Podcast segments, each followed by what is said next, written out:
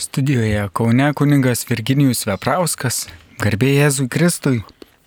Ir paneliai švenčiausiai taip pat.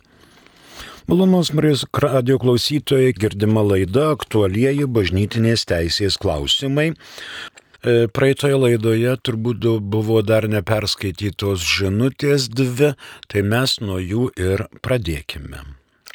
Garbė Jėzui Kristui. Per amžius amen.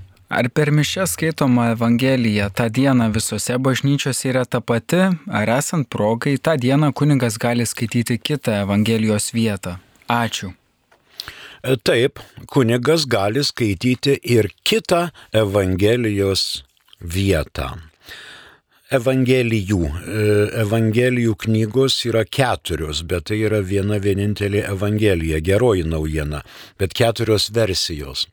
Matas Morkus, Lukas ir Jonas. Pirmi trys sinoptikai, tret, ketvirtas yra ne sinoptinės Evangelijos autorius. Taigi, sekmadieniais kunigas skaito Evangeliją ir atnašauja šventųjų mišių auką pagal Romos patvirtintą liturginį kalendorių kurį sekmadienį, kurį eilinį sekmadienį ar advento ar gavėnios sekmadienį yra skirta tam tikra Evangelijos ištrauka. Tačiau, jeigu pasitaiko po pietų laidotuvės, kunigas tą sekmadienį gali naudoti Evangeliją skirtą laidotuvėms. Ir tai gali drąsiai skirtis nuo tos Evangelijos, kuri buvo skaitoma sumos arba votyvos metu. Taip gali skaityti. Tai priklauso nuo visokių aplinkybių. Pavyzdžiui, kunigas esantis vienuolis, vienuolinė, gali būti laikomasi vienuolinių rubrų ir jeigu tą dieną išpuola koksai nors superšventasis to vienuolino, tai gali būti, kad kunigas ima Evangelijos ištrauką iš savo labai gerbiamo, to vienuolino gerbiamo šventojo dienos. Gali. Pavyzdžiui, švento Ignaco atlaidai. 10 val. viena Evangelija, o suma yra imama būtent Ignaco Lojolos Evangelija. Galima, taip, galima. Ačiū. Mus dar pasiekė žinutė, prašom. Vakarų bažnyčiose teko matyti LGBT juostą persijusius kunigus, ar tokios mišios iš vis galiojančios. Kaip gyvenimo įgūdžių programa mūsų mokyklose su LGBT ugdymu, klausė Virgilijus. Ačiū. LGBT juosta. Persijosias kunigas. Na ir ką? Kad mišios galiotų reikia keturių dalykų minimum. Visų pirma, kunigo, bent kunigo šventimus turinčio asmens, toliau neraugintos duonos, vyno, vandens ir žinoma mišolo kuris buvo patvirtintas apaštalų sostų, kad ne, nebūtų cirkai arba įsidarkinimai arba įsidirbinėjimai. Turi būti atliekamos apėgos taip, kaip reikalauja šventoji Romos katalikų bažnyčia. O dabar ar kunigas persijuosęs LGBT juostą ar be tos juostos jokios įtakos mišių galiojimui neturi. Dar kunigas turi turėti intenciją atnašaudama šventųjų mišių auką, intenciją e, kaip bažnyčios intencija, kad jis nori daryti tai, ką nori daryti bažnyčia šventųjų mišių metu. Taip kad iš to, ką jūs čia nupasakojote, tai tos šventosios mišios turėtų tikrai galioti. Jos galioja. Dabar tas LGBT nariai. Matot, jie yra taip pat žmonės. Kristus atėjo į pasaulį ir atpirko žmoniją. Ir visą matomą ar nematomą pasaulį atpirko savo kančią ant kryžiaus. Bažnyčia yra įpareigota vesti į išganimą ne tik tuos gerus, minkštus, apvalus, pukuotus, baltus, bet bažnyčia neša išganimą visiems. Ir bažnyčia negali pasakyti, kad LGBT nėra žmonės, kad jie yra marginalai, kad jie yra šiukšlės, kad jie yra visokie paškustvos. Taip būt negali. Bažnyčia yra skirta visiems. Dabar nesunku ir man būtų užsidėti ant Arnoto šitą LGBT juostą, jeigu LGBT bendruomenė pamanytų, kad bažnyčia nuo jos yra nusisukusi. Kiekvieno kunigo pareiga ištiesti išganimo ranką bažnyčios pagalbos ranką LGBT bendruomeniai ir tvirtinti, kad nuo jų bažnyčia nėra nusisukusi. Minutėlę dabar mums paskambino, prašom. Arnoldas iš Vilniaus. Klausom jūsų. Gerbėsiu Kristui. Per amžius amen. Turiu klausimą, ką manot apie LGBT paradus kaip bažnyčios atstovas, kurie vyko Vilniuje, ar tai neprieštarauja krikščionybės tikėjimui ir panašiai, nes mano nuomonė tai yra antikrikščioniška. Ačiū. Ir labai apgailėtina. Ačiū Arnoldai, antikrikščioniška, apgailėtina ir taip toliau. Bažnyčia tvirtina, kad Dievas sukūrė vyrą ir moterį o ne ten 72 konstruktus, bet vyrą ir moterį. Dėl to bažnyčia laikosi tokios minties, kad tai yra vyro ir moters sąjunga, santuoka. Santoka yra vyro ir moters sąjunga. LGBT bendruomenė, aišku, kovoja prieš tradicinės šeimos vertybės, deklaruodama savo nuostatas ir silpnindama šeimos, krikščioniškos šeimos instituciją. Kadangi LGBT kovoja prieš šeimą, tai tuo pačiu ir prieš bažnyčią, nes bažnyčia remia tradicinės šeimos vertybės. Kaip popiežius Pranciškus pasakė, bažnyčia neturi politinės dienotvarkės. LGBTG turi politinę dienotvarkę ir jie nori keisti įstatymus, žinoma. Kaip ir tam klausime, mokyklose kaip su ugdymu.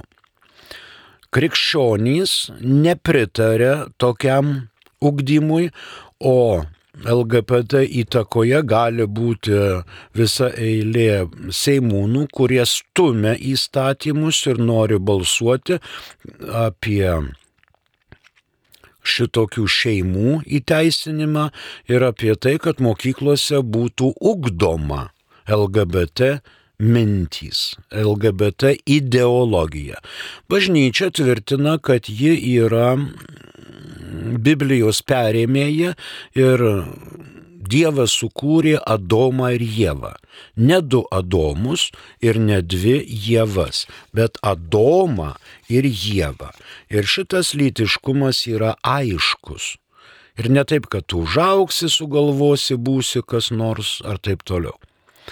Kad yra LGBT bendruomenių, visame pasaulyje. Bažnyčia nei kiek nebejoja. Yra. Bet tai neturėtų būti visos ideologijos viršūnė ir nereikėtų primesti tradicinės vertybės, šeimos vertybės propaguojančių ir išpažįstančių asmenų valiai savo ideologiją. LGBT bendruomenė nėra marginalai, bažnyčia už juos meldžiasi, bažnyčia irgi nori, kad būtų, kad jie pasiektų išganimą. Štai popiežius rugsėjo mėnesį turi netgi tokią intenciją. Melskimės, kad visuomenės užrybyje atsidūrę nežmoniškomis sąlygomis gyvenantys žmonės nebūtų pamiršti institucijų ir niekad nebūtų laikomi beverčiais. Tai va rugsėjo mėnesį bažnyčia meldžiasi šią intenciją, kad LGBT bendruomenė tikrai nebūtų atstumta. Jie taip pat myli ir jie turi teisę būti mylimi. Be jokios abejonės. O ten eisenos, demonstracijos, tai yra jau politinės valios reiškimas.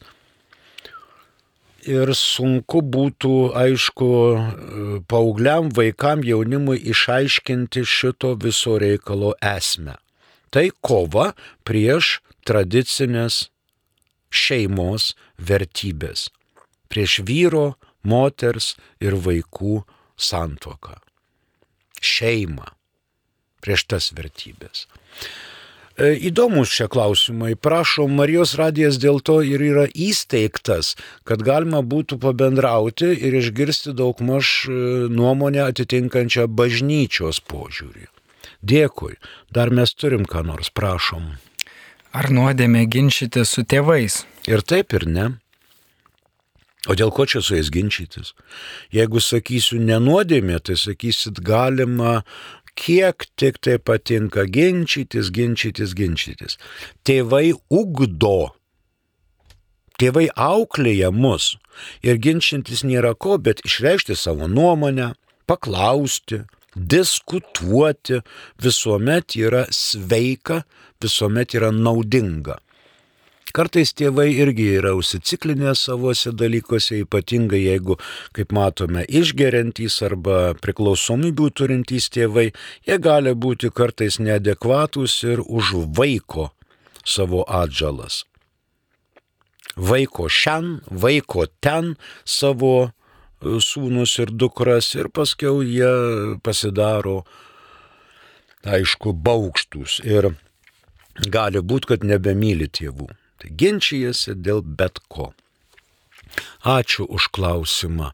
Dabar kitą klausimą turim, prašom. Teko domėtis konklavos veikimu, kai ypatingais atvejais rinkimai vyksta aklamacijos būdu, kai kardinolai įkvėpti šventosios dvasios vieningai susunk, susuka išrinktojo pavardę. Sušunka išrinktojo pavardę.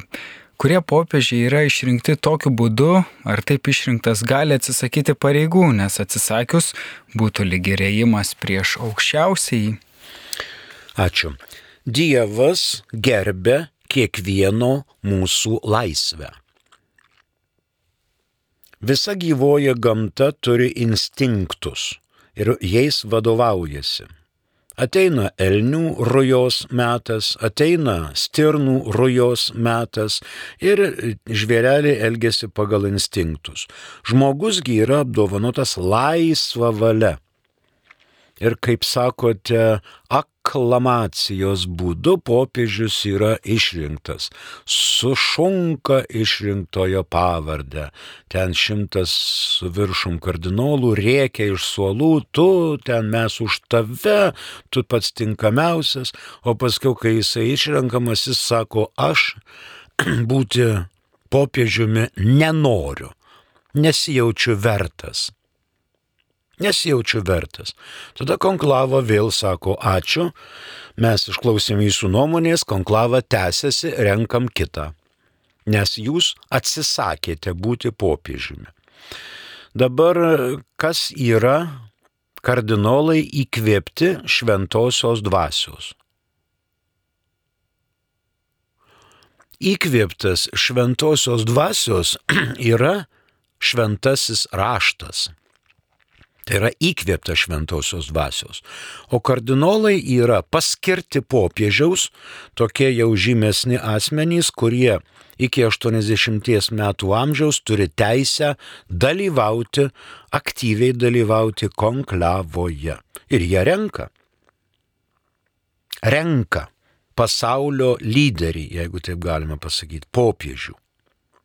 Yra daug dokumentų, kur e, pažymėta ypatingai Jonas Paulius II e, pasitvarkė tuos dalykus, kad konklavoje yra kažkokiu tai naujienų, kad negalima nešiotis elektroninių ryšio priemonių, kad taip ir anaip ir šitaip.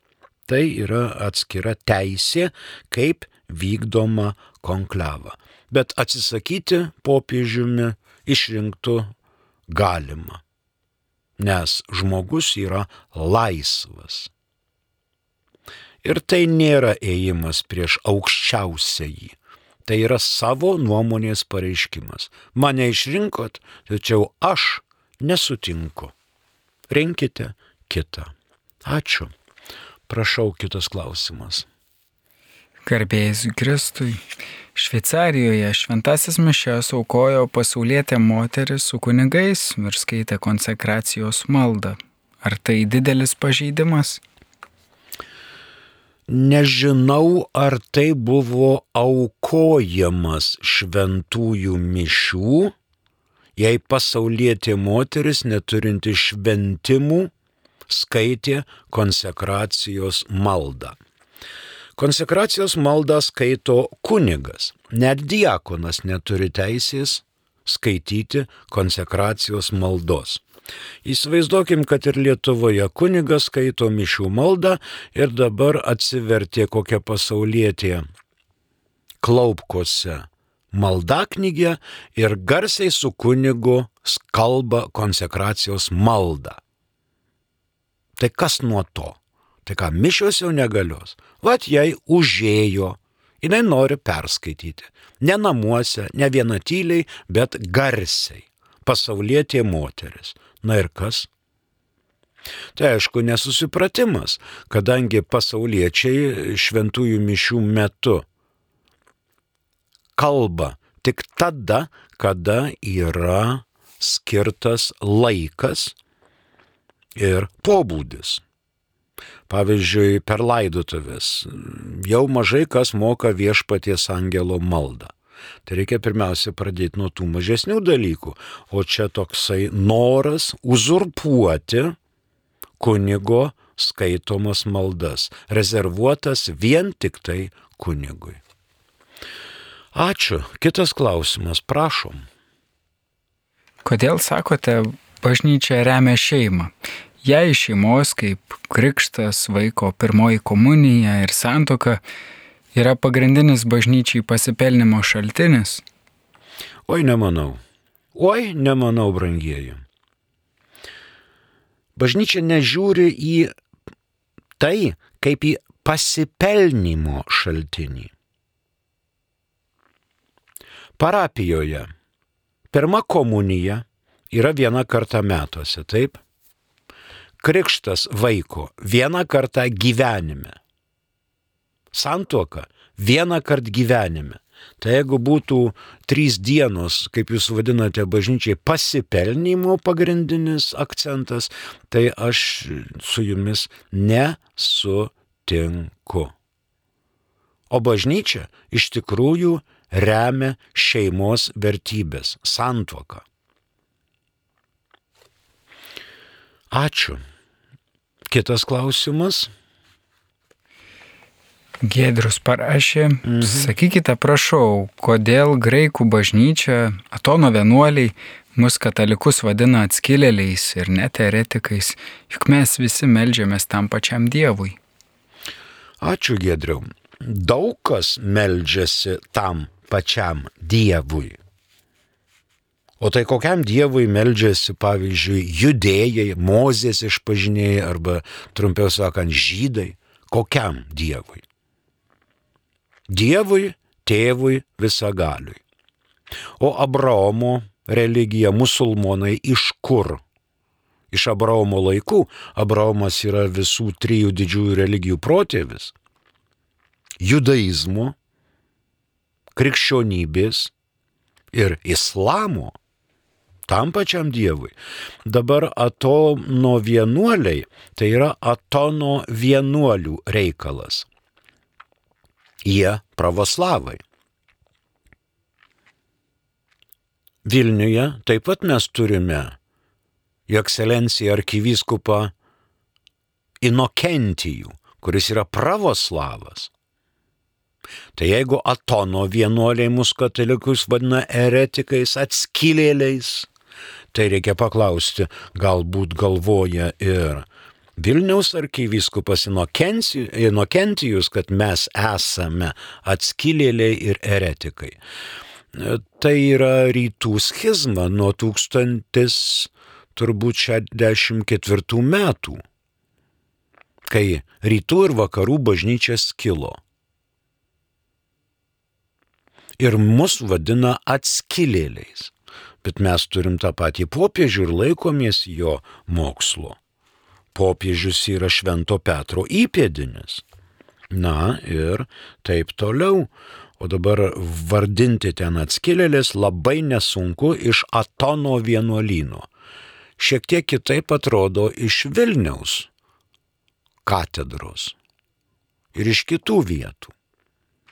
Katalikai neklyjuoja tokių etikečių, kad jūs ten tokie arba anokie. Pavyzdžiui, mes aiškiai žinome, kad liuteronai arba evangelikai tai nėra bažnyčia griežtai ima, tai yra krikščioniška bendruomenė, nes jie turi tik tai krikšto sakramentą, neturi kunigystės, o sakramentai ateina per kunigystės sakramentą. Per kunigystę. Jie turi krikštą ir vakarienę. Bet mes juos nevadinam eretikais arba dar kais nors. Tai yra krikščioniška bendruomenė. Meldžiasi tam pačiam Dievui. Evangelikai, liuteronai ir kiti. Meldžiamės mes visi tam pačiam Dievui. Tik žiūrint, kokiu būdu. E, judaizmas pripažįsta Dievą tėvą Jis nepripažįsta Dievo sūnaus ir Dievo šventosios dvasios. Tai jų tikėjimas yra šiek tiek skurdesnis. Mes pripažįstame švenčiausią trejybę, kurios vardu rytą ir vakarą žegnojamės ir melžiamės. Ačiū už klausimą. Dabar primenu, kad girdite laidelę aktualieji bažnytinės teisės klausimai. Per Marijos radiją laida prasideda 17.20 ir baigėsi 18 val. Mūsų telefono numeris Kaune 32 32 30 Kauno kodas 837. Trumpųjų žinučių telefono numeris yra kitas 865 049 107. Prašom galite klausti, o mes dar turime kokį aktualų bažnytinės teisės klausimą. Prašom. Ar tiesa, kad šventintas vanduo galioja metus, o po to jis netenka galių ir jį reikia pakeisti nauju? Tikrai, Ačiū. tikrai ne. Tikrai ne. Nėra šventinto vandens galiojimo termino. Bet jeigu jis prarūksta, supelyje, tai jau po savaitės reikia išpilti, tada jis praranda, na ten po pušelę, išpylė arba prie kryžiumi, prie kryžiaus jis ten susigėrė išgaravo, pra, pasibaigė būsena jo ir jisai nebetenka savo šventinto vandens galių. O kol jisai yra vienoje vietoje sutelktas, tol jis turi savas galias. E, termino šventintojim vandeniui nėra o jį reikia dažnai keisti taip, kad būtų šviežias, neatsirastų drumzlių ir taip toliau. Ačiū už klausimą. Dabar dar kitas, prašau. Perkeitimo metu pavydalai netapo Jėzaus žmogaus kūnu ir krauju, bet gal yra tyrimai liudijantis, kad duona ir vynas persikeitė į jį Jėzaus Dievo pavydalus, buvo pripildyti šventosios dvasios. Ačiū. Ačiū būtų įdomu, jeigu jūs atliktumėte tokius tyrimus, kad duonos pavydalas tapo Jėzaus kūnu, o vyno pavydalas tapo Jėzaus krauju. Kažkas nuostabaus. Jeigu sužinosit, kad tokie tyrimai yra atlikti, praneškit. Nubėgsiu tekinas pasižiūrėti, kaip tai vyksta. Po konsekracijos žodžių kunigas sako, tai yra tikėjimo paslaptis. Tai ne empirika. Pavydalas tas pats, o esmė pasikeitė. Duona ir vynas persikeitė Jėzaus kūnu ir krauju. Ar ten buvo pripildyti šventosios dvasios tie pavydalai, ar ne, e, man vienodai rodo. Ir bažnyčiai lygiai taip pat. Bažnyčia vykdo tą, kas vyksta. Jėzaus žodžių gale ir šventosios dvasios valia. Kunigas, dulkė, žmogeliukas, gavęs šventimus, skaito konsekracijos formulę ir duona bei vynas tampa Kristaus kūnu ir krauju. Tai tikėjimo paslaptis. Gabaliukas duonos, lašelis vyno. Ir ateina visatos kūrėjas ant altoriaus. Tas, kuris sukūrė dangų ir žemę. Tas, kuris visą, kas regima ir kas neregima, sukūrė karalystės, viešpatystės ir visokius kitokius šmekelius. Tai jisai sukūrė ir tai jisai ateina ant altoriaus dėl to, kad kunigas to nori per konsekracijos formulę. Galima tą duoną ten pjaustyti vartyti, laužyti, uostyti, laižyti. Nieko kito nebus, kaip tik tai duonos pavydalas, kaip ir prieš konsekraciją, bet kadangi jau po konsekracijos, tai jau yra viešpats Dievas. Dėl to ir bažnyčios statomos, dėl to ir pauksuoti pauksotos taurės ir patenos ir liturgija būtent šitam mažyčiam duonos gabalėliui. Kad tai vyksta, yra aišku. Bet patikėti, kad šitame duonos gabalėlėje yra Dievas, o tai jau nelengva. Jaučia mūsų tikėjimo dalykai kai mes matom ir norim matyti ir norim viską pažinti. O čia, pamanykite, duonos gabalėlyje Dievas. Ir tą Dievą aš galiu priimti į savo širdį. Fantastika. Ačiū. Kitas klausimas, prašai. Prašom. Ar kuningas be rankų galėtų aukoti mišes Tapti kunigu. Tapti ne, bet jeigu jis yra be rankų, ten gyvenimo tiekmėje jam amputavo dar kas nors, tikrai gali aukoti mišes. Tikrai gali aukoti mišes, vyskupas, jo ordinaras turi žinoti ir leisti kokiomis sąlygomis. Gali atnašauti rankas ir be rankų, ir be kojų. Invalido vežimėlėje. Gali. Tikrai gali gali kunigas tą daryti. E, dar vienas klausimas, prašom. Ką bažnyčia sako apie kremavimą, žmonių deginimą? Bažnyčia kaip ir taip nelabai pasisako apie kremavimą, nėra kažkokių didelių traktatų, tačiau bažnyčia leidžia kremavimą. Pavyzdys Jėzus. Jėzus buvo laidotas pagal to meto papročius. Jis nebuvo kremuotas, todėl krikščionys visus amžius savo tikinčiuosius laidoja į žemę. Laidoja. Bet dabar, kai atsirado labai daug žmonių, žymiai patogiau yra kremuoti. Tarkim, 5-6 kape karstai ir septintam arba šeštam karstui vietos ten nėra. O va štai urną galima rasti vietos įdėti urną. Galima. Tada vėlionės nabašnikas kremuojamas ir laidojame urną. Laidojame urną. Dabar kremavimas priimtinas tik tada, jeigu žmogus arba šeima pageidauja, kad būtų kremavimas ne dėl krikščioniškų žmogiškumui priešingų pažiūrų. Jeigu žmogus sako, kad Dievo nėra, dvasinio pasaulio nėra, čia nieko nėra, aš išnyksiu kaip dūmas neblaškomas vėjo, tada bažnyčia pagerbė tokią mintį ir žmogaus, kremuoto žmogaus su tokia intencija nelaidoja.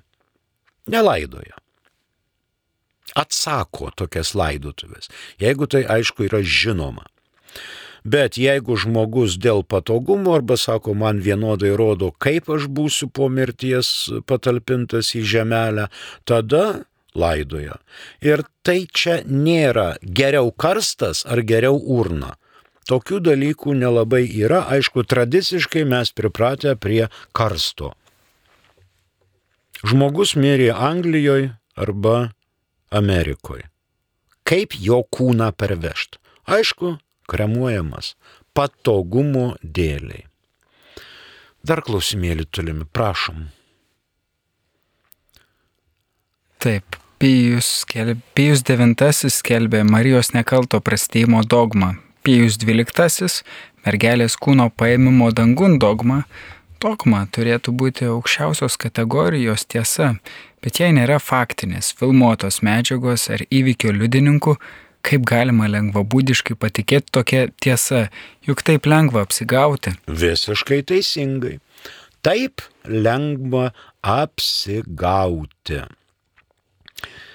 Popiežiai jūsų paminėti dangun paėmimo dogma kaip girdėjote, kažkur turbūt 20 amžiui paskelbta. Nebuvo nei pirmam, nei antram amžiuje, popiežiai rėmėsi bažnyčios mokslu ir gilia sena tradicija. Jums galbūt e, mano žodžiai čia nieko nereiškia, bet jūs paklausykite, atsisukite mm, jo ekscelencijos arkivyskupo Peterio Anton Rajičiaus popiežiaus legato nuncijaus Lietuvoje pamokslą e, Šilovoje sakytą 12 val. šventųjų mišių metu. 12 val. šventųjų mišių metu.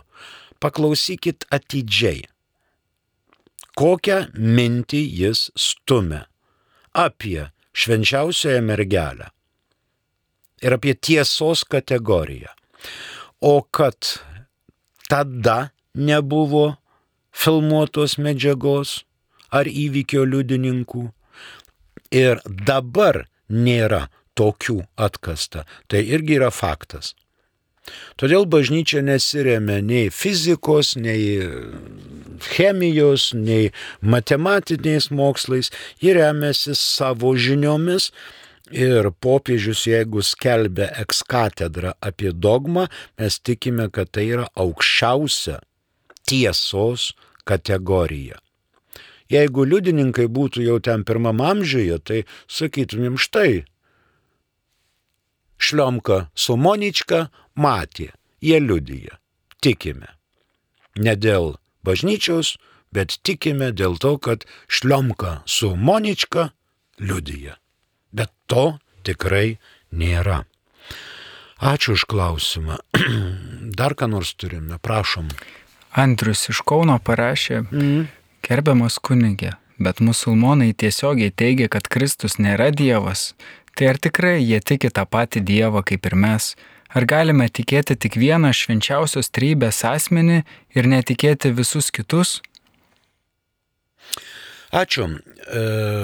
Koranas, Korane turbūt rast galima medžiagą, kad yra Jėzus Barpandeira, kad mergelės sūnus.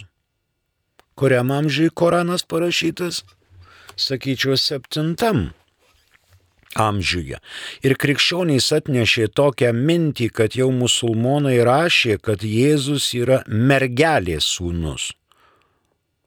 Barpandeira. Tai ateistai pradėjo šaipytis, kad Jėzus yra bar pantera, reiškia panteros sūnus, romėnų kario, ten panteros sūnus. Tai čia visokių išvedžiojimų yra. O dabar grįžtant prie dievų, Abraomas tikėjo vieną dievą. Dievą tėvą. Abraomo ir Izaoko aukojimas. Abraomas kaip Izaoką aukojo. Itshaką. Dabar nueikit prie Vilniaus katedros ir pažiūrėkit viršuje, kaip yra rodoma scena su horeliefu ar bareliefu Abraomo auka. Tai yra musulmonų religijos irgi pradžia, Abraomo tikėjimas. Žydai, kaip minėjau, irgi tikė vieną Dievą. Mes tikime vieną Dievą, tėvą visagalį, dangaus ir žemės sutvėrėją ir Jėzų Kristų ir šventąją dvasę. Mes tikime trejybę. Bet tai yra tik tai asmenų skirtingumas. Bet tai yra prigimties bendrumas. Dievo prigimtis, tėvo, sūnaus ir šventosios dvasios ta pati. Musulmonai netiki, kad Jėzus Kristus yra Dievas, bet jie tiki, kad Abraomo Dievas yra jų Dievas. Ir jie perėmė šitą tikėjimą. Ir skelbė. Ir laikosi. Ir labai šventai laikosi.